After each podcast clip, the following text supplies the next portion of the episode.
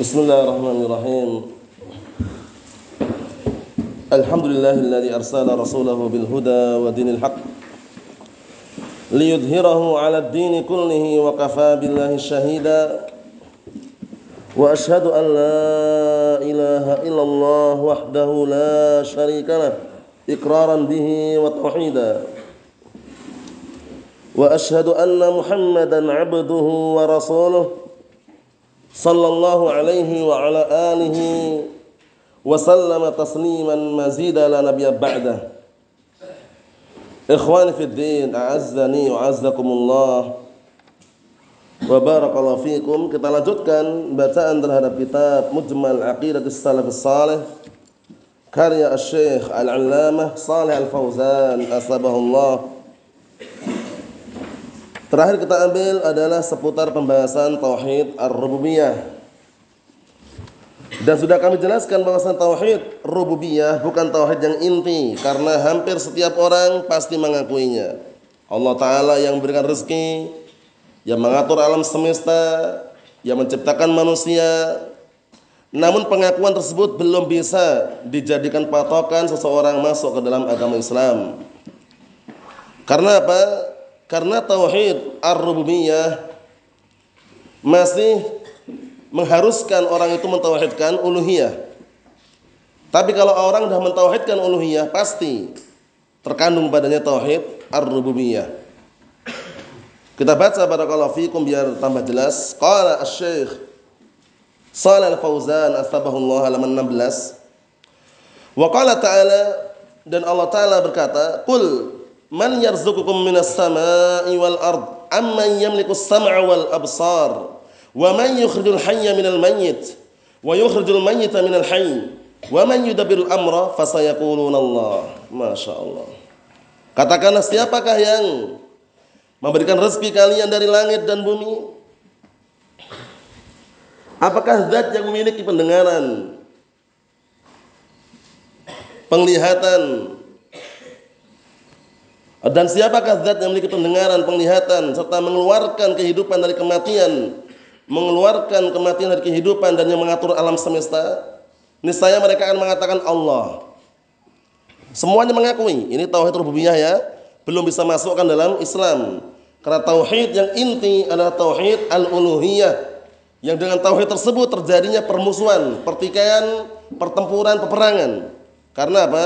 Karena menegakkan tauhid uluhiyah tadi itu. Adapun rububiyah iblis sudah mengakui, iblis mengakui adanya Rabb.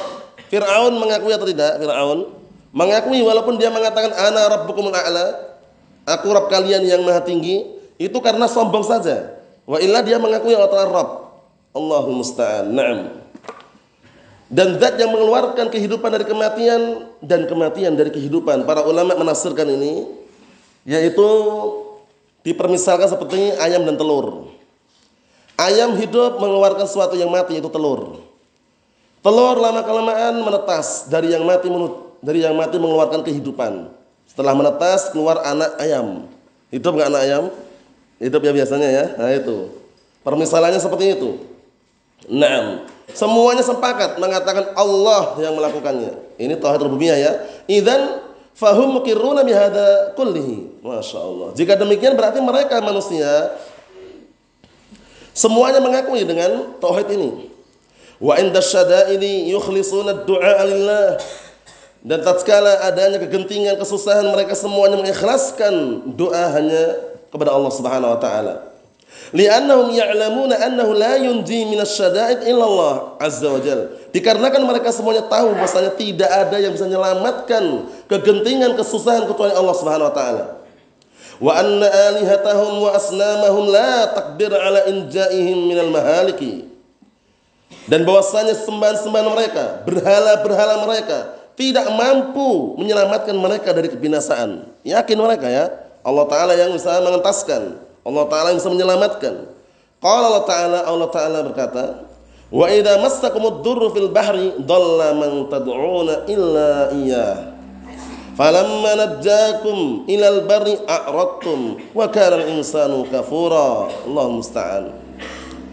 Apabila telah menimpa kalian suatu kesusahan, suatu bahaya, eh, di tengah lautan, maka yang kalian seru, yang kalian berdoa setiap saat itu tersesat, nggak ada yang nolong kecuali Allah Subhanahu wa taala. Berhala nggak bisa nolong. Ingat kisah Nabi Ibrahim alaihissalam bagaimana perjuangan beliau sangat luar biasa sehingga beliau masuk dalam lingkupan ulul azmi. Kalau ulul azmi dari kalangan para rasul ada berapa? Lima saja. Muhammadun Ibrahimu Musa kalimuhu Fa'isa fanuhun hum ulul azmi fa'lamu. Lima. Itu ulul azmi ada lima ya. Muhammadun Ibrahimu Musa kalimuhu Fa'isa wa Nuhun hum ulul azmi fa'lamu. Di dalam pantun sebutkan ulul azmi lima. Di antara Ibrahim alaihissalam di antaranya. Bagaimana perjuangannya bersama bapaknya yang jahat dan juga kafir. Azar. Eh, saat itu bapaknya penyembah berhala. Nah, ketika bapaknya pergi Ibrahim alaihissalam, hancurkan semua berhala yang di rumahnya. Paham ya? Berhala-berhala yang sembah bapaknya dan juga pasukannya serta teman-temannya dihancurkan Ibrahim alaihissalam. Kecuali berhala yang paling besar. Dikalungkan kapaknya lehernya. Bapaknya pulang marah-marah bapaknya. Apakah kamu yang melakukan ini wahai Ibrahim? Ibrahim jawabannya singkat. Ibrahim alaihissalam jawabannya singkat. Tanya kepada berhala yang paling besar kalau bisa bicara. Berhala patung eh, terbuat dari batu atau tanah, nggak bisa bicara. Bayangkan itu. Akhirnya tambah marah bapaknya. Tambah marah, akhirnya bapaknya dan juga orang-orang yang bersama bapaknya, eh, barakallahu fikum menyalakan api yang sangat besar untuk menghukum Ibrahim alaihissalam bayangkan. Jadi ahlul batil ketika kalah hujah, kalah dalil mereka menempuh cara yang lain yang bisa menjatuhkan al-haq walaupun dengan berbagai macam caranya. Bayangkan ini. Kalah debat dengan anaknya, langsung marah dia bapaknya. Paham ya? Bapaknya marah menyalakan api yang besar untuk apa? Menghukum Ibrahim dimasukkan dalam api. Tapi ingat, pertolongan Allah Subhanahu wa taala menyertai orang-orang yang mendakwahkan agamanya. Ya ayyuhalladzina amanu in tansurullaha yansurkum wa yutsabbit aqdamakum. Wahai orang-orang beriman, jika kalian menolong agama Allah, niscaya Allah akan menolong kalian. Percaya itu ya. Kalau kita menolong agama Allah Ta'ala, Allah Ta'ala akan menolong kita. Dan Allah Ta'ala akan memberikan kekokohan dalam pendirian kita. Kita lihat Ibrahim alaihissalam ketika hendak dicampakkan mereka masuk ke dalam api ditawari oleh Jibril alaihissalam. Butuh bantuan atau, atau tidak? Bayangkan. Posisi dalam keadaan sangat genteng ini yang mau dimasuk dalam api. Api yang menyala-nyala panas luar biasa. Paham ya? Ibrahim ditawari apakah butuh bantuanku? Apa kata Ibrahim alaihissalam? Adapun kepadamu tidak. Karena apa? Ibrahim alaihissalam tawakalnya kuat sekali Bantuannya beliau meminta hanya kepada Allah Subhanahu wa taala. Beliau hanya mengucapkan hasbunallah wa ni'mal wakil. Masya Allah, ucapan yang sangat luar biasa ya. Hasbunallah wa ni'mal wakil. Nabi kita Muhammad SAW ketika orang-orang kufar Quraisy dan sekutunya orang-orang menakut-nakutin mereka berkumpul untuk membunuhmu, untuk menyakitimu. Rasulullah juga mengucapkan hasbunallah wa ni'mal wakil.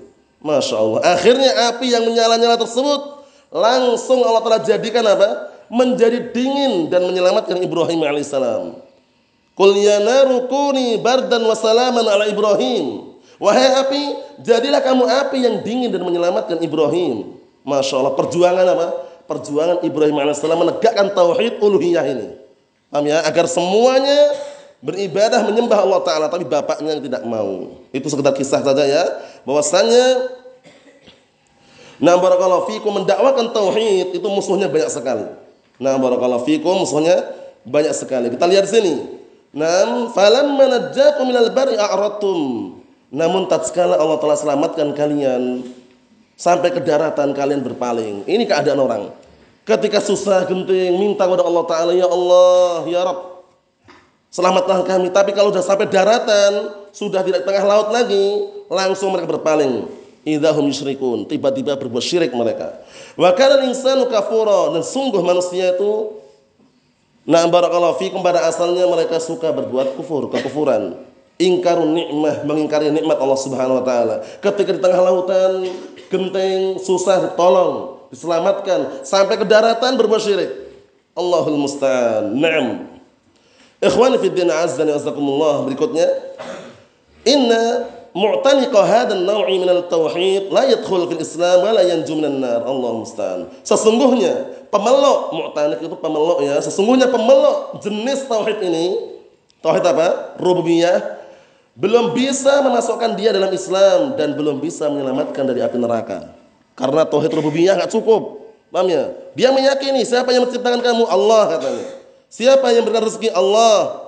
Siapa yang mengatur alam semesta? Allah. Tapi dia nyembah kuburan. Eh, pergi ke kuburan setiap malam Jumat Kliwon. Kalau di sana ada istilah Kliwon itu ya nabur bunga, minta pesugihan, minta kekayaan, teriak-teriak di situ. Tapi dia mengakui Allah Ta'ala yang menciptakan. Ini enggak diterima. Karena yang jadi patokan adalah tauhid uluhiyah. Yaitu menyembah hanya murni kepada Allah Subhanahu wa taala, bukan kepada yang lainnya. Hindari mau kaya, mau diberkahi rezekinya, eh, dilancarkan usahanya, minta kepada Allah taala. Paham ya? Orang mau kaya cuma datang ke dukun, kemudian pulang berpangku tangan dengan jadi kaya. Paham ya? Nah, barakallahu fikum. Tawakal itu harus menempuh sebab. Nah, karena tawakul, apa definisinya tawakul? At-tawakkulu huwa sidqu i'timadil qalbi 'ala Allah fi jalbil manafi' aw daf'il madar ma'a fi'lil asbab syar'iyyah aw mubahah. Karena tawakal itu definisinya adalah sidqu i'timadil qalbi 'ala Allah azza wa jal fi jalbil manafi' daf'il madar ma'a fi'lil asbab syar'iyyah mubahah. Jadi tawakal itu adalah jujurnya penyadaran hati kita kepada Allah Subhanahu wa taala. Jujur, mengandalkan hati kita kepada Allah taala, jujur. Di dalam apa? Di dalam mendatangkan manfaat-manfaat dan menolak bahaya. Tapi dengan cara apa? Dengan cara mengerjakan eh, mengerjakan apa barakallahu fikum sebab-sebab yang syar'i atau sebab-sebab yang diperbolehkan. Itu namanya tawakal. Benarnya, jujurnya penyadaran hati kita kepada Allah taala di dalam meraih kebaikan atau di dalam menolak bahaya bersamaan mengerjakan apa? sebab-sebab yang syar'i atau yang diperbolehkan. Itu namanya tawakul. Orang sakit ya termasuk tawakalnya minum obat misalkan. Paham ya? Bukan wahana tawakal kepada Allah taala. Kalau sembuh ya sembuh, kalau sakit terus ya sakit terus. Nggak bisa. Bahkan Rasulullah SAW menyatakan, "Ya ibadallah tadau." Wahai hamba-hamba Allah, berobatlah kalian. Fa inna Allah ma anzalallahu da'an illa wa anzala lahu syifa. Karena sesungguhnya Allah Ta'ala tidaklah menurunkan suatu penyakit melainkan menurunkan padanya obat dan penawarnya. Jadi kita harus berobat. Paham ya? Cuman pengobatan yang syar'i, yang bagus adalah tibun nabawi, pengobatan dengan tata cara Nabi. Antum nggak divaksin nggak masalah. Paham ya? Nah, yang penting antum harus apa? Mengkonsumsi berupaya menjaga kesehatan dengan tibun nabawi bagus sekali. Madu, jintan hitam, eh? minyak zaitun, eh? kemudian intinya tibun nabawi bagus sekali. Faham ya? Nah, barakallahu fiikum. Nah, jintan hitam, habas sauda, enggak usah meragukan sama sekali. Insya Allah bismillah sebagaimana Rasulullah sabdakan, al habbatus sauda dawaun likulli da'ilal haram. Jintan hitam itu obat semua penyakit. Al-habatus sauda, jintan hitam, obat semua penyakit kecuali penyakit mati. Paham ya? Enggak bisa diobati sudah. Eh, bukan promosi ya. Dan jual jintan hitam laris.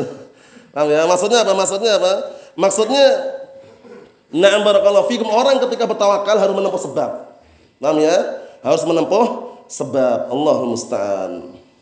Ikhwani fi din azza wa jazakumullah kita lihat lagi di sini. Fal kufaru ala sabilil misal aqarru bi tauhid rububiyah. Maka orang-orang kafir sebagai contoh mereka mengakui tauhid rububiyah walakin iqraruhum bidzalika lam yudkhilhum fil islam. Wa sammahu Allahu Wasamahumullahu musyrikin wa kuffara. Allahumma musta'an. Akan tetapi pengakuan mereka terhadap tauhid rububiyah belum bisa masukkan mereka dalam Islam. Dan Allah Ta'ala masih menamakan mereka dengan musyrikin dan kuffar. Allahumma musta'an. Wa hakama lahum bil khulud finnar dan Allah telah menghukumi untuk mereka kekal dalam api neraka. Innal ladzina kafaru min ahli kitab wal musyrikin fi nari jahannam khalidina fiha ulaika hum syarrul bariyah. Menunjukkan bahwasanya orang kafir dari kalangan Yahud dan Nasara dari kalangan musyrikin mereka tempatnya di api neraka kekal selama-lamanya. Jangan pernah ragu paham ya? Kalau kita ragu terhadap kekufuran orang kafir jangan sampai. Karena kalau kita ragu dengan kekufuran orang kafir eh, atau nggak berani mengkafirkan orang kafir kita sendiri difonis kafir. Iya benar Abu Talib kafir enggak? Wah, nama seraku, kasihan dia. Paham ya? Dia pamannya Rasulullah, masa kita kafirkan? Enggak ada istilah seperti itu, kafir kafir. Paham ya? Abu Talib pamannya Rasulullah membela Rasulullah ketika Rasulullah masih kecil diajak dagang ke Syam, itu tetap kafir. Karena ketika akhir hayatnya ditalkin enggak mau baca la ilaha illallah. Tetap berada di atas agamanya Abdul Muthalib, agama jahiliyah dan tempat kembalinya di neraka walaupun dapat keringanan adab yang paling ringan. Tapi ngeri, adab yang paling ringan saja berdiri di atas bara api hingga otaknya mendidih. Bayangkan coba. Ngeri atau tidak? Ngeri sekali. Jangan pernah mencoba ya. Nah, Allah musta'an. Maka jangan sampai nah barakallahu fikum paling ringan padahal paling ringannya itu berdiri di atas bara api hingga otaknya mendidih. Itu paling ringannya sudah. Tapi kalau surga, masya Allah, surga yang paling rendah, setiap orang yang masuk surga itu sudah beranggapan dia yang paling tinggi sudah. Masya Allah.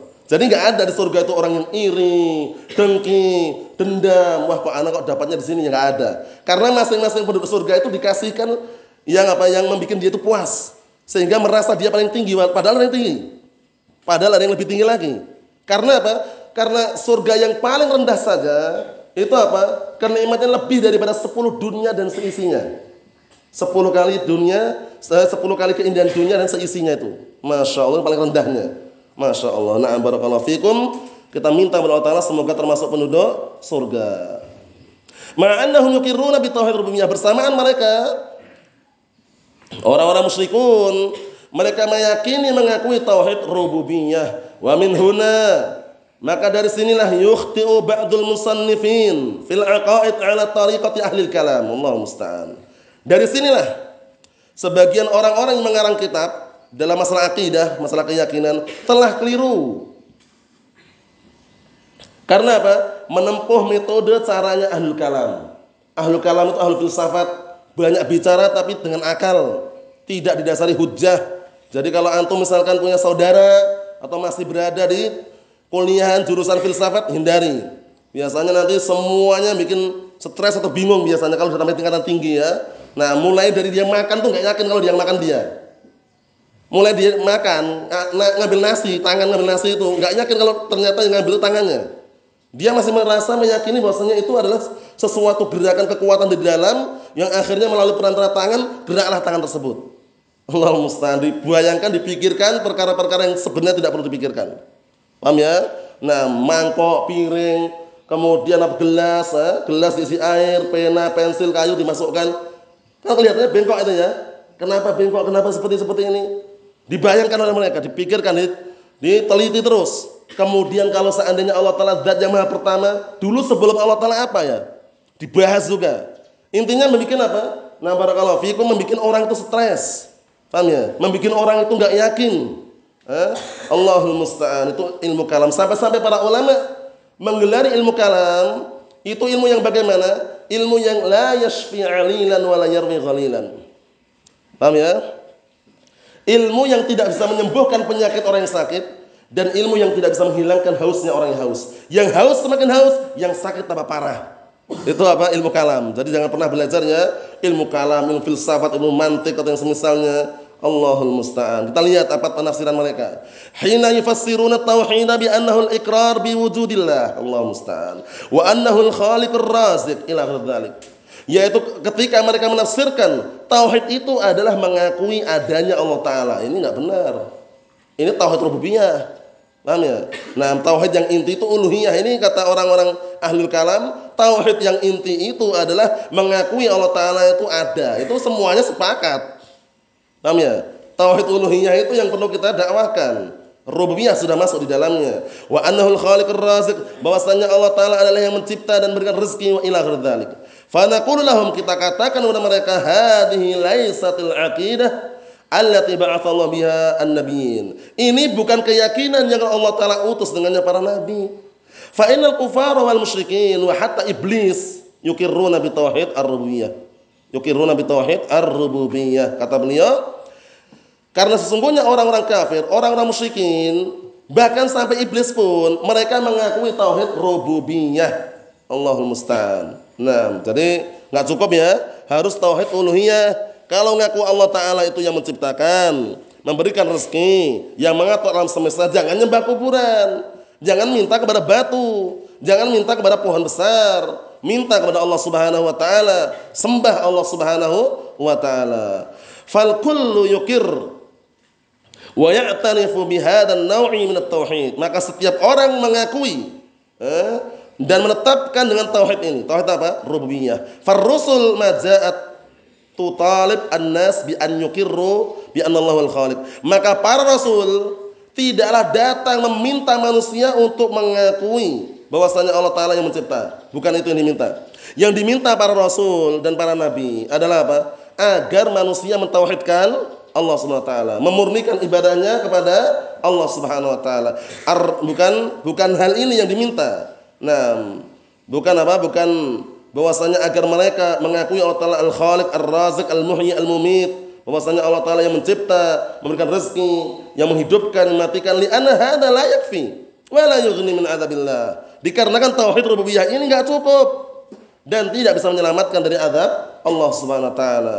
Ikhwani fid din azza wa jazakumullah wa hafizakumullah jami'an.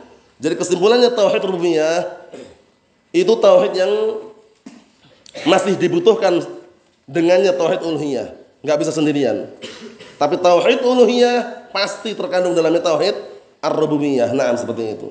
Kita lihat berikutnya qala al-muallif asbahullah halaman 18 anna usani jenis yang kedua tauhid al-uluhiyah. Ini yang inti.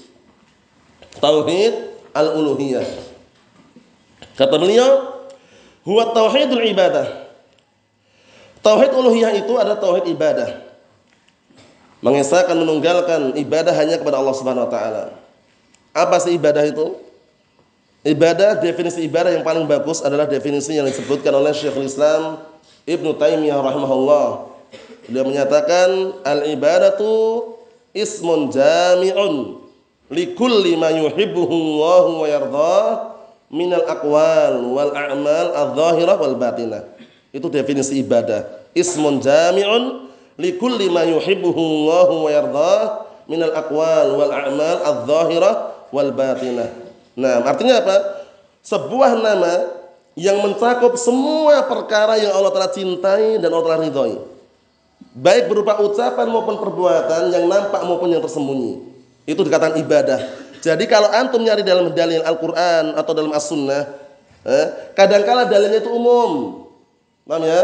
Ada dalilnya yang umum, ada yang khusus. Khususnya masalah nas langsung, ad-du'a wal ibadah. Itu langsung dikatakan nas langsung doa itu adalah ibadah. Ada yang sifatnya apa?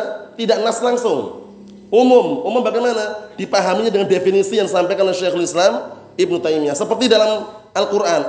Apakah ada dalam Al-Qur'an lafaz as-salatu ibadatun? Ada nggak? Salat itu ibadah. Ada nggak kayak gitu dalam Al-Qur'an? Nggak ada ya. Mulai dari Al-Fatihah sampai Anas atau cari nggak akan ketemu. As-salatu ibadatun, az-zakatu ibadatun nggak ada. Tapi tahu dari mana kalau itu ibadah? Kembalikan ke definisi tadi itu. Paham ya? Kenapa? Caranya bagaimana caranya? Sekarang sholat, zakat, amalan bukan? Amalan. Dicintai oleh Allah atau tidak? Dicintai. Berupa apa? Ada gerakan, ada juga ucapan di situ. Paham ya? Setiap amalan yang Allah Ta'ala cintai, berupa ucapan perbuatan, eh, maka itu adalah apa? Ibadah. Caranya gitu. Karena kalau kita nyari nas langsung kadang ada, kadang tidak ada. Tapi dikembalikan pada definisi yang disebut oleh Syekhul Islam Ibnu Taimiyah rahimahullah. Naam. Kata beliau Tauhidul iradah wal qasd. Masya Allah. Sebutan lain uluhiyah adalah tauhid al iradah wal qasd. Tauhid yang bersifat iradah keinginan wal qasd tujuan. Paham ya? Karena tujuan yang hakiki, keinginan yang benar eh, harus mengarahkan semuanya kepada Allah Subhanahu wa taala. Wa hadha an-naw' huwa mahattur rihal wa mahalul khusumah bainar rusuli wa umamihim. Masya Allah. Dan jenis tauhid inilah ya, tempat orang-orang berpindah dan pergi serta tempat orang-orang bermusuhan antara rasul dan umat-umat mereka. Gara-gara tauhid apa? Uluhiyah ini. Karena apa? Kalau orang didakwai tauhid uluhiyah enggak mau biasanya pergi. Memusuhi, ngajak perang, ngajak kelahi. Paham ya? Abu Jahal, Abu Lahab misalkan. Benci mereka karena mereka tahu konsekuensi keharusan kalimat la ilaha illallah apa artinya? Tiada sesembahan yang berhak untuk disembah kecuali Allah Taala. Jadi mereka tahu maknanya itu karena tahu mereka nggak mau didakwai Rasulullah SAW nggak mau mereka menerima dakwahnya Rasulullah Sallallahu Alaihi Wasallam karena di dalam la ilaha illallah terkandung dua rukun. Dihafalkan rukun. La ilaha illallah ada dua. Apa itu? An-naf'i wal isbat. Rukunnya ada dua. Sebagiannya biasanya kita katakan satu paket. Satu paket yang dihafal itu makna la ilaha illallah la ma'budu bihaqqin illallah. Paket yang eh, yang satunya lagi satu paket itu maksudnya la ilallah itu ada maknanya ada rukunnya ada syaratnya. Itu yang dihafal biasanya seperti itu ya. Jadi maknanya apa tadi la ma'budu bihaqqin illallah tidak ada sembahan yang berhak untuk disembah kecuali Allah taala rukunnya an-nafyu wal isbat an-nafyu peniadaan isbat penetapan apa makna an-nafyu makna an-nafyu adalah nafyu jami' ma yu'badunillah meniadakan semua yang diibadahi selain Allah Ta'ala. Semuanya ditiadakan. Itu namanya nafyu. Apa itu isbat? Isbatu jami' ibadah lillahi wahdah. Menetapkan semua peribadatan murni untuk Allah Ta'ala. Eh, menetapkan semua peribadatan murni untuk siapa? Allah Subhanahu Wa Ta'ala. Rukunnya dua, an-nafyu wal isbat. Syaratnya ada delapan. Syaratnya ada delapan. Rukunnya ada dua. Syaratnya ada berapa? Ada delapan. Delapan tersebut antum bisa menghafal secara satu persatu, tapi kalau bisa menghafal pantun bagus. Paham ya? Sebutkan dalam pantun, dikumpulkan itu ya. Delapan syarat la ilaha illallah. Ilmun. Yakinun. Wa ikhlasun. Wa siddukuka ma' mahabbatin. Wa qiyadin. Wal qabulillaha. Wa zida saminuha. Al-kufranu minka bima siwal ilahi minal awsani qad ulliha. Paham ya? Jadi ada delapan syarat dua rukun, satu makna. Delapan syarat anda ulangi kalau diuraikan ilmu pertama syaratnya. Kedua, yakin. Ketiga, ikhlas. Keempat, sidq, kejujuran. Kelima, mahabbah, rasa cinta. Keenam, kabul, penerimaan. Kemudian apa? Ketujuh, ingkiyat, tunduk dan patuh. Eh? Kedelapan, al-kufru bitaghut. Yang kedelapan, al-kufru bitaghut. Yaitu meninggalkan tauhid. Tauhid itu adalah kullu ma'ubida minillah. Semua yang diibadahi selain Allah itu tauhid. Faham ya? Kalau manusia ada catatan bahwa radin dalam keadaan dia ridho. Seperti itu. Ikhwan fi din azza nazakumullah.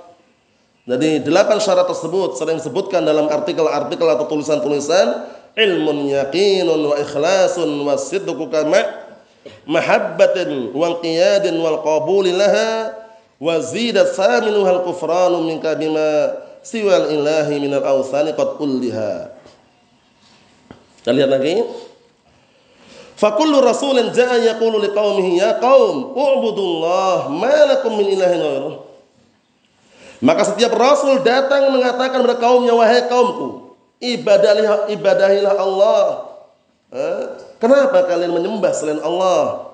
Wala yaqulu lahum dan Rasul setiap Rasul tidak mengatakan kepada kaumnya ya kaum wahai kaumku innallaha wa rabbukum tidak mengatakan seperti itu. Sesungguhnya Allah adalah Rabb kalian. Kenapa nggak mengatakan seperti itu? Karena mereka yakin semuanya. Meyakini bahwasanya Allah adalah Rabbnya. Tapi yang didakwakan para nabi dan rasul bukan apa? bukan agar manusia mengakui rububiyah tapi uluhiyah. Paham ya? Walaqad ba'atsna fi kulli ummatin rasulan an ibudullaha wa tajtanibut taghut. Dan sungguh kami telah mengutus setiap umat itu seorang rasul. Umum setiap umat ada rasul di situ. Paham ya? Nah barakallahu fikum menyerukan apa? Menyerukan an ibudullah, ibadahilah Allah dan jauhilah taghut. Tauhid. Paham ya? Perintah dari Allah Subhanahu wa taala. Paham ya? Nah, yang mana perintah itu kalau dalam ilmu usul al asal fil amr dulu al wujub. Hukum asal perintah itu menunjukkan wajib. Paham ya? Nah, barakallahu fikum. Kemudian wa'budullaha wa la tusyriku bi syai'a. Ibadahilah Allah dan jangan kalian mensekutukan Allah Allah taala dengan sesuatu apa pun. Ya kan? Larangan-larangan. Hatta Luqman al-Hakim, rajulun saleh, Luqman al-Hakim mengatakan kepada anaknya apa? Ya bunayya, la tusyrik billah. Inna syirka la dzulmun azim. Wahai anakku, kamu jangan berbuat syirik kepada Allah taala. Karena sesungguhnya kesyirikan adalah kezaliman yang sangat besar. Allahumma musta'an. Kita lihat di sini. Para rasul, eh, setiap rasul tidak mengatakan wahai kaumku sesungguhnya Allah dan Rabb kalian. Li'annahum muqiruna bihada karena mereka mengakui ini. Walakinnahum yutalibunahum bi an ya'budu rabbahum alladhi aqarru bi rububiyyatih. Masyaallah. Akan tetapi akan tetapi para nabi dan rasul mereka meminta kaumnya agar mereka beribadah nyembah Rabb mereka yang mereka mengakui rububiyahnya. Wa annahul khaliq wahdah. Bahwasanya Allah Taala pencipta semata. Enggak ada yang lainnya, sendirian. Warrazik wahdah. Dia semata-mata sendirian yang memberikan rezeki. Waladhi yudabbirul amr wahdah. Dan zat yang apa? Yang sendirian dalam mengatur alam semesta. Wa yutalibunahum bi an yufriduhu bil ibadah wahdah kama afraduhu bil khalqi masyaallah. Para nabi dan rasul meminta kaumnya agar mereka mengisahkan menunggalkan Allah taala semata dalam ibadah sebagaimana mereka menunggalkan di dalam masalah apa penciptaan. Jadi tauhid uluhiyah yang inti ya, tauhid al-uluhiyah yang inti na'am. Wa tadbir dan juga dalam masalah pengaturan, fahum yahtajuna alaihim bima aqarru Maka mereka Nah barakallahu fiikum membantah mereka dengan apa yang mereka akui. Maksudnya kalau kalian mengakui rububiyahnya, sembahlah Allah Ta'ala semata. Kalau kalian mengakui Allah Ta'ala yang mencipta, jangan nyembah yang lainnya gitu maksudnya. Na'am barakallahu fiikum. Ikhwan fi din azza wa jazakumullah. Yadkuru Qur'an Karim tauhid rububiyah min babil ihtijaj bihi 'alal kuffar wa mutalabatuhum wa mutalabatihim bima yalzamuhum. Artinya Al-Quran Al Karim menyebutkan tauhid rububiyah dalam bab apa? Dalam bab al-ihtijat bihi al kufar, eh? membantah orang-orang kafir. Nah, dan meminta mereka dengan apa yang harus untuk mereka, tauhid uluhiyah maksudnya. Fama dumtum ayyuhal kufar mu'tarifina anna Allah huwal khaliq wahdah, wa huwar raziq wahdah, wa huwa alladhi yunji minal mahalik, wa huwa alladhi yunji minas syada'id. Perhatikan Bapak ini. Falimada ta'diluna bihi ghairahu mimman la yakhluq wa la yarzuq wa laysa lahu minal amri syai' wa la lahu fil khalqi tadbir. Kita lihat ini. Selama kalian wahai orang-orang kafir mu'tarifin mengakui annallahu wal khaliq wahda bahwasanya Allah taala yang menciptakan wa warraziq wahda bahwasanya Allah taala zat yang sendirian dalam memberikan rezeki Wa huwa alladhi yunji minal mahalik dan dia zat yang menyelamatkan dari kebinasaan. Wa huwa alladhi yunji minan syada'id dan dia zat yang bisa menyelamatkan dari kegentingan dan kesusahan. Falimada? Maka kenapa? Ta'diluna bihi khairah justru kalian berpaling kepada selainnya. Dari kalangan apa? Mimman la yakhluq dari kalangan orang yang tidak bisa menciptakan. Wala yarzuq tidak bisa memberikan rezeki. Wala salahu minal amri syai' tidak tidak memiliki apa sesuatu sesuatu sedikit pun dalam pengaturan walalahu khalqu walalahu fil khalqi tadmir. Dan juga tidak apa? Tidak ada peran sedikit pun dalam pengaturan alam semesta ini. Eh, ditanya seperti itu. Apa man yakhluq kaman la yakhluq? Afala tadhakkarun? Apakah sama orang apakah sama zat yang bisa mencipta seperti orang yang tidak bisa mencipta? Afala tadhakkarun? Tidakkah kalian mau berpikir? Dulu ada kisah di India. Pernah dikisahkan ketika di Damat saat itu ya ketika belajar. Di India ada patung sangat besar patung ma'ruf ya. Suatu ketika ada orang yang ngasih daging, ngasih susu itu, tapi setiap kali dikasih itu habis terus. Masya Allah. Orang-orang mengira yang minum susu, yang makan daging itu patungnya berhala. Akhirnya heboh kan, Wah, ini berarti ini sesembahan yang benar itu loh, kata orang-orang itu ya. Ada salah satu yang mereka merasa ganjil. Kok bisa setiap hari kok bisa habis susu air susunya sama dagingnya. Akhirnya ada yang eh, e, menjebak. E, dikasih air susu sama daging-daging situ, dia mengintai dari jarak jauh. Ternyata selama ini yang menghabisi susu, air susu, kemudian makan daging anjing. Allah Ustaz. Datang anjing, dimakan dagingnya, diminum air susunya, anjingnya naik ke kepala berhala, dikencingi gitu loh. Allah Ustaz. Akhirnya orang sadar, ternyata selama ini berhala patung yang kami sembah nggak bisa apa-apa. Eh buktinya itu makanan yang sajikan di depannya yang minum yang makan, yang minum anjing ternyata. Setelah selesai makan dan minum, anjingnya naik ke berhala itu dikencingi berhala diam aja. Berarti menunjukkan apa? Lemahnya sesembahan selain Allah Subhanahu wa taala. Allahul musta'an. Naam. Ikhwan fi din azza jazakumullah kita ambil lagi. Kata beliau, "Idzan tauhidul uluhiyah huwa alladhi da'a rusul." Jika demikian berarti tauhid uluhiyah adalah tauhid yang didakwahkan oleh para rasul. Wa talabu qaumahum bihi. Dan para rasul meminta kaumnya untuk mentauhidkan uluhiyah. Uh, para rasul, nah barakallahu fikum itu bertingkat-tingkat kedudukannya ya. Yang paling tinggi kedudukannya ya ulul azmi. Paham ya? Karena ulil azmi itu jadikan patokan dalam kesabaran, dalam hal yang lainnya. Fasbir kama sabar ulul azmi minar rusul wa la tasta'jil lahum. Bersabarlah engkau sebagaimana bersabarnya para ulul azmi dari kalangan para rasul dan jangan terburu-buru. Jangan tergesa-gesa. Nah, pertanyaannya ulul azmi ini ada berapa tadi? Lima, sebutkan. Ibrahim, Muhammad, Musa, Nuhun, Isa. Pantunnya sudah hafal belum pantunnya? Eh, Muhammadun Ibrahimu Musa kalimuhu fa'isa wa Nuhun hum ulul azmi fa'lamu. Mudah dihafal ya, itu sering sebutkan dalam artikel-artikel biasanya ya. Nah, barakallahu fiikum tapi artikel Arab ya disebutkan itu Muhammadun Ibrahimu Musa kalimuhu fa'isa wa Nuhun hum ulul azmi fa'lamu. Dan ulul azmi ada lima kalau lihat sejarahnya luar biasa bagaimana perjuangan mereka dalam mendakwakan tauhid, mulai dari Nabi kita Muhammad, Nabi Ibrahim alaihissalam, kemudian juga Nabi Nuh, eh? Nabi Nuh dengan anaknya, musuhnya anaknya dan keluarganya, musuh Nabi Nuh alaihissalam. Ibrahim alaihissalam musuhnya bapaknya sendiri. Kemudian Nabi Musa, nah musuhnya apa? Rajanya, Fir'aun itu. Nabi Isa kaumnya. Paham ya? Jadi perjuangan mereka sangat luar biasa. Makanya dalam masalah sabar yang jadikan patokan untuk mencontoh mencontoh mereka fasbir kama sabara ulul azmi minar rusul wa la tasta'jil karena mereka sangat luar biasa sabarnya kita lihat di sini Naam kata beliau wala yazalu wala yazalu sira' baina ahli tauhid wa ahli inhiraf fi hadha an-naw'i hatta al-an masyaallah dan masih terus menerus pergulatan, pertikaian, peperangan, eh, permusuhan antara ahli tauhid dan ahli inhiraf, orang-orang yang menyeleweng, melenceng dalam hal apa? Tauhid ini sampai sekarang ini. Sampai sekarang ini kalau ahlus sunnah mengajak ayo beribadah kepada Allah Ta'ala. Mentauhidkan Allah Ta'ala syirik haram. Musuhnya banyak di kampung itu. Masa kita nggak boleh minta sama eh, Mbah Fulan Mbah Alan. Dulu ini orang soleh kata mereka. Kita ini orang-orang kotor. Jadi kalau minta langsung kepada Allah Ta'ala itu malu. Harus melalui orang-orang soleh ini katanya. Nah itu keliru. Kalau presiden mungkin harus perantara. Tapi Allah Ta'ala langsungan. Kalau minta nggak perlu pakai perantara-perantara. Wah, anda nggak mampu, Ustaz. Anda nggak berani minta langsung, Ustaz. Harus melalui Mbah Fulan ini. Kiai Fulan misalkan. Ustaz Fulan keliru, minta langsung. Wa qala rabbukum ud'uni astajib lakum. Nah, langsungan kan? Rabb kalian berkata, "Berdoalah kalian kepada aku, kabulkan." Wa idza sa'alaka ibadi anni fa inni qaribun ujibu da'wat da'i idza da'an falyastajibu li wal yu'minu bi la'allahum yarshudun. Syahidnya apa? Langsungan mintanya.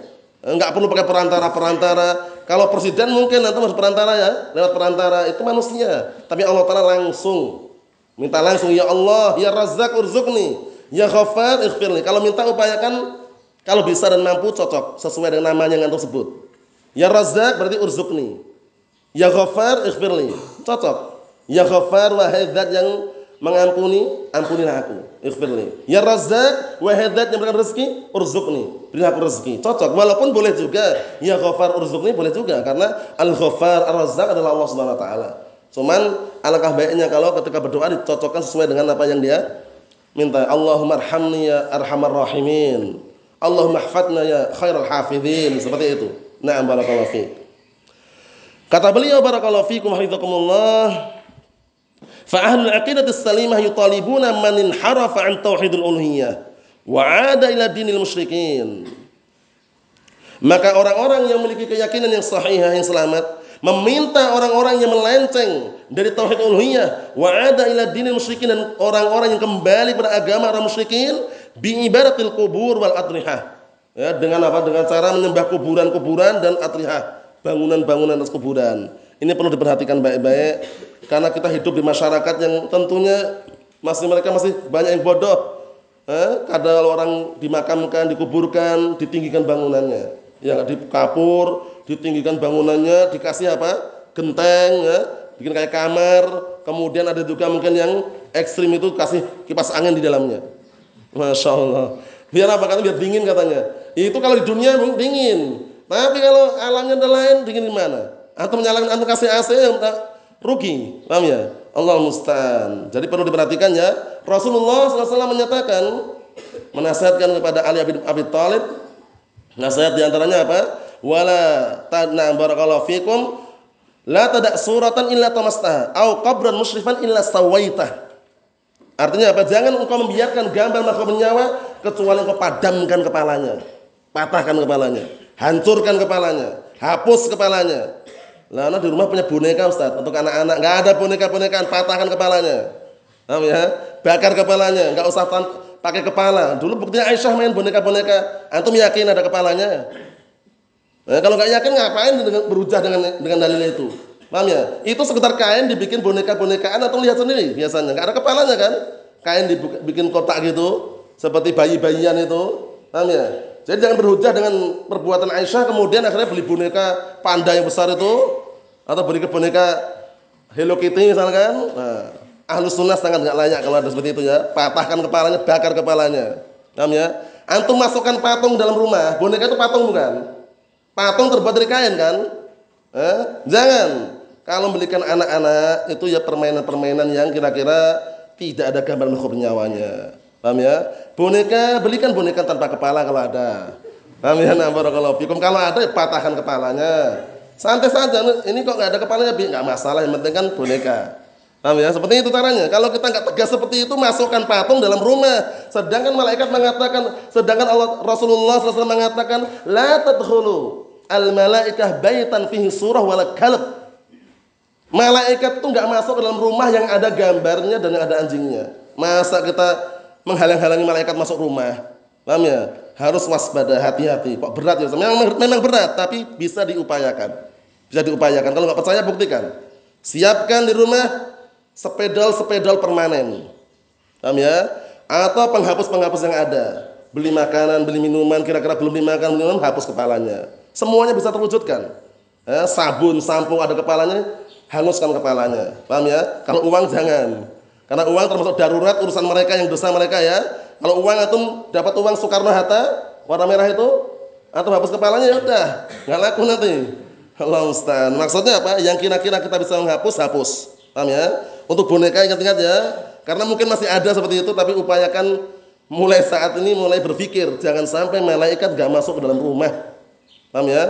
Karena mungkin yang namanya anak kecil senang boneka, boneka yang panda yang besar itu ya, Hello Kitty, Doraemon misalkan, kan banyak ya dijual itu ya. Nah itu kepalanya patahkan dulu. Kalau ada boneka tanpa kepala bagus. Paham ya? Allah musta'an. Nah, ini sekedar nasihat saja. Semuanya bisa diupayakan hanya hanya hanya orang-orang yang tidak bisa itu hanya orang yang keberatan saja. Paham ya? Nah, adapun yang berusaha insyaallah bisa. Kita lihat sini barakallahu fikum yaitu dengan cara mereka menyembah kuburan dan atrihah bangunan di atasnya. Wa na'am barakallahu fikum kemudian wa taqdisil ashkhas mensucikan per individu orang. Oh, ini orang suci ini. Ini wali katanya, wali songo katanya. Wali enggak songo. Wali enggak sembilan saja maksudnya. Banyak wali itu. Paham ya? Di sini banyak wali enggak sini? Eh? Insya Allah semua kita ini insya Allah ingin menjadi wali. Antum wali, kita juga wali. Bukan hanya wali santri saja. Wali Allah Subhanahu wa taala, tapi kuncinya dua. Kuncinya dua jangan sampai terluputkan kunci iman dan takwa. Paham ya? Ala inna awliya Allah la khaufun alaihim wa lahum yahzanun alladzina amanu wa kanu yattaqun. Ketahuilah sesungguhnya wali-wali Allah mereka adalah orang-orang yang tidak takut terhadap hari akhirat yang akan mereka hadapi dan tidak sedih dengan perkara dunia yang terluputkan. Apa ciri-cirinya? Mereka adalah orang-orang yang beriman dan bertakwa. Itu wali yang sebenarnya. Masa wali bertapa di pinggir sungai? Sampai dilumutin kemudian eh, surbannya pakai belangkon. kemudian jadi wali, Sunan Kalijaga. Kata mereka itu, bertapa di pinggir sungai bawa tasbih katanya. Sholatnya kapan coba bayangkan? Wali kok nggak sholat? Paham ya? Wali setan mungkin. Kalau wali Allah Ta'ala nggak sholat ya sangat misterius, paham ya? Allah. Jadi wali itu enggak hanya sembilan ya, lebih dari sembilan. Intinya iman dan takwa caranya. Nah, barakallahu fikum Allah musta'an. Karena biasanya permainan ya, permainan bisnis atau yang semisalnya. Kalau di sini mungkin enggak ada ya orang-orang berbondong-bondong ziarah para wali enggak ada sini ya. Ya di Jawa sana banyak, walinya di Jawa semuanya. Allah musta'an. Allah musta'an. Nah, kita lihat sini. Dikit lagi ya, mana nanggung ini ya. Kata beliau, "Nah, barakallahu fikum wa manahum syai'an min khasa'is rububiyah dan bahkan sebagian mereka memberikan kepada orang-orang apa? Nah, sedikit daripada kekhususan rububiyah. Orang ini bisa menyembuhkan, orang ini bisa eh, bisa memberikan kekayaan. Paham ya? Nah, barakallahu fikum semisal itu. Allah musta'an. Nah, barakallahu fikum mereka berdalilkan dengan apa? Rasulullah SAW ketika nah mengutus Ali bin Abi Thalib eh, ketika memberikan bendera, nah barakallahu fikum, itu kan Ali bin Abi Thalib saat itu ditimpa apa? Sakit mata. Paham ya? Akhirnya apa? Akhirnya diperintahkan untuk mendatangkan Ali bin Abi Thalib. Kemudian apa? Kemudian Rasulullah SAW nah, meludahi matanya dan sembuh dengan seizin Allah Taala. Nah, akhirnya kata mereka diperbolehkan kita nah barakallahu fikum mengambil dalil tersebut. Akhirnya banyak yang praktek-praktek tidak jelas. Paham ya? Nah, makan eh, makan kelapa gitu dikunyah-kunyah, semprotkan mata orang yang sakit itu. Paham ya? Tambah sakit. Allah musta'an. Istilahnya mereka tuh kadang nggak berpikir. Jadi ilmu nggak didasari dengan ilmu yang benar, akhirnya seperti itu. Allah musta'an. Kita lihat sini. Fa ahlu tauhid tutalibuna haula bi an yarji'u ila al-aqidah salimah. Maka ahlu tauhid, orang-orang muwahhidun meminta mereka agar kembali kepada keyakinan yang selamat wa an yufridullah bil ibadah dan agar mereka mentauhidkan Allah Taala dalam ibadah wa an yatruku hadzal amr al khatir alladhi hum alaih dan agar mereka meninggalkan perkara yang berbahaya ini yang mereka berada di atasnya. Li anna hadza huwa dinul jahiliyah dikarenakan kesyirikan inilah agama jahiliyah. Bal huwa asyad min dinil jahiliyah. Bahkan kesyirikan lebih parah daripada agama jahiliyah. Li anna ahlal jahiliyah kanu yukhlisuna lillah fi hal syiddah. Dikarenakan orang-orang jahiliyah dahulu mereka itu mengikhlaskan agamanya untuk Allah taala dalam keadaan ketika genting dan juga susah. Wa yusyrikuna fi hal raha. Dan mereka berbuat syirik ketika apa? Ketika dalam keadaan lapang dan tenang. Amma haula ini. Adapun mereka Alul inhiraf orang-orang yang menyeleweng, melenceng. Fa inna syirkahum daimun. Yang sebutin kemarin ini ya. Kesyirikan mereka daimun terus menerus. Firraha wa syiddah. Ketika tenang, lapang, susah, syirik terus. Allah musta'an. Ketika berhasil, sukses apa? Kerjaannya, tanam modalnya, masya Allah sukses. Eh? Ketika bikin apa? Rumah walet, eh? sebulan langsung 5 kilo misalkan Contoh aja ya. Misalkan terjadi seperti itu akhirnya langsung datang ke apa? Mbah Fulan, Mbah Alan, persembahkan ini kuburan atau semisalnya. Allah musta'an. Jadi kesyirikannya itu orang-orang zaman sekarang ini nggak pandang gitu ya. Ketika senang berbuat syirikan, ketika susah juga berbuat syirik. Allah musta'an. Bal inna syirkahum fi syiddah asyad. Bahkan orang-orang zaman sekarang kesyirikan mereka ketika ditimpa kesusahan, kegentingan lebih parah lagi. Coba kalau musim paceklik panjang, musim kemarau. Kalau di sini walau ada ritual seperti itu atau tidak? Biasanya mereka itu nggak menegakkan salat istisqa, paham ya? Nah, namun mereka malah menggunakan syirik. Sapu lidi dihadap ke arah langit, sapu lidi itu ya, tahu sapu lidi ya? Dihadap ke arah langit, di situ ada bawang, bawang putih, bawang merah, cabai. Arah langit. Katanya biar apa? Biar Allah Taala menurunkan hujan katanya. Syirik. Paham ya? Itu kesyirikan. Kalau mau minta hujan istisqa. Kan itu. Allah musta'an. Kesyirikan banyak sekali ya. Fa idza stadda alaihul amr. Kalau seandainya perkara sangat dahsyat, genting, susah, tasma' minhum talaban bil madad minal awliya Allah musta'an. Engkau akan mendengar dari mereka permintaan bantuan kepada para wali. Ya wali fulan, wali Abdul Qadir Jailani atau ya fulan, ya halat, seperti itu. Allah musta'an. Minta-minta kepada wali yang mereka anggap wali. Wal makburin minta-minta kepada orang-orang apa? Yang sudah dikubur. Wal mauta minta kepada orang-orang mati. Bainamal musyrikun idza masahmud dzurru akhlasud du'a lillahi azza wajal. Dalam keadaan padahal orang-orang musyrikun terdahulu itu kalau ditimpa suatu bahaya mereka mengikhlaskan doa kepada Allah Subhanahu wa taala. Sebelum kita tutup dengan pembahasan ini, dulu ada kisah ketika kami belajar di Dhamma dikisahkan mengenai orang jamaah haji. Berangkat haji naik ada yang naik kuda kalau nggak tidak salah ya kuda. Nah, ya mungkin kuda bisa dikatakan kuda yang harganya mahal lah. Dibawalah kuda tersebut berangkat haji. Di tengah perjalanan mati kudanya. Paham ya? Kudanya mati. Dikuburkan di tengah jalan. Dikuburkan. Akhirnya para jamaah tadi itu langsung melanjutkan perjalanan menuju haji. Nah, kuburannya yang meninggi, meninggi gitu ya. Nah, muncul gelombang kedua. Mereka juga mau haji juga. Eh, mau haji lewat di gundukan tanah tadi itu. Dibisiki syaitan yang terkutuk. Itu kuburan wali. Itu kuburan ini, kuburan ini, Masya Allah, mintalah berkah. Akhirnya dikelilingi kuburan tadi. Di kuburan, minta-minta, minta berkah. Nah, setelah jamaah tadi yang pertama di haji sudah selesai, pulang mereka. Pulang lihat keadaan seperti itu, mereka mengatakan, hal hal antum majanin katanya. Apa kalian orang gila? Kenapa ini wali? Ini kubur wali kata mereka. Kata orang-orang yang mengelilingi apa? Gundukan tanah tadi itu. Setelah mereka jelaskan, kalian tuh bodoh, kalian tuh ter, eh, terkena apa? Tipu daya setan. Ini bukan kuburan wali, ini kuburan kuda yang meninggal. Paham ya? Kuda yang mati yang dulu pernah kita kuburkan di sini. Intinya kesyirikan barakallahu fikum Nah, di samping bisikan syaitan yang terkutuk adalah kebodohan yang mendorong dia melakukannya. Allah musta'an. Kata beliau, "Hadza huwa an min anwa'i tauhid." Inilah jenis yang kedua dari jenis tauhid yang ada. Wa huwa alladhi talabat bihi rusul jami'al umam bi an yukhlisu lillahi azza wa jalla wa huwa alladhi waqa'a an-niza' fi. Kata beliau, dan inilah yang diminta oleh para rasul pada semua umat agar mengikhlaskan ibadah kepada Allah taala.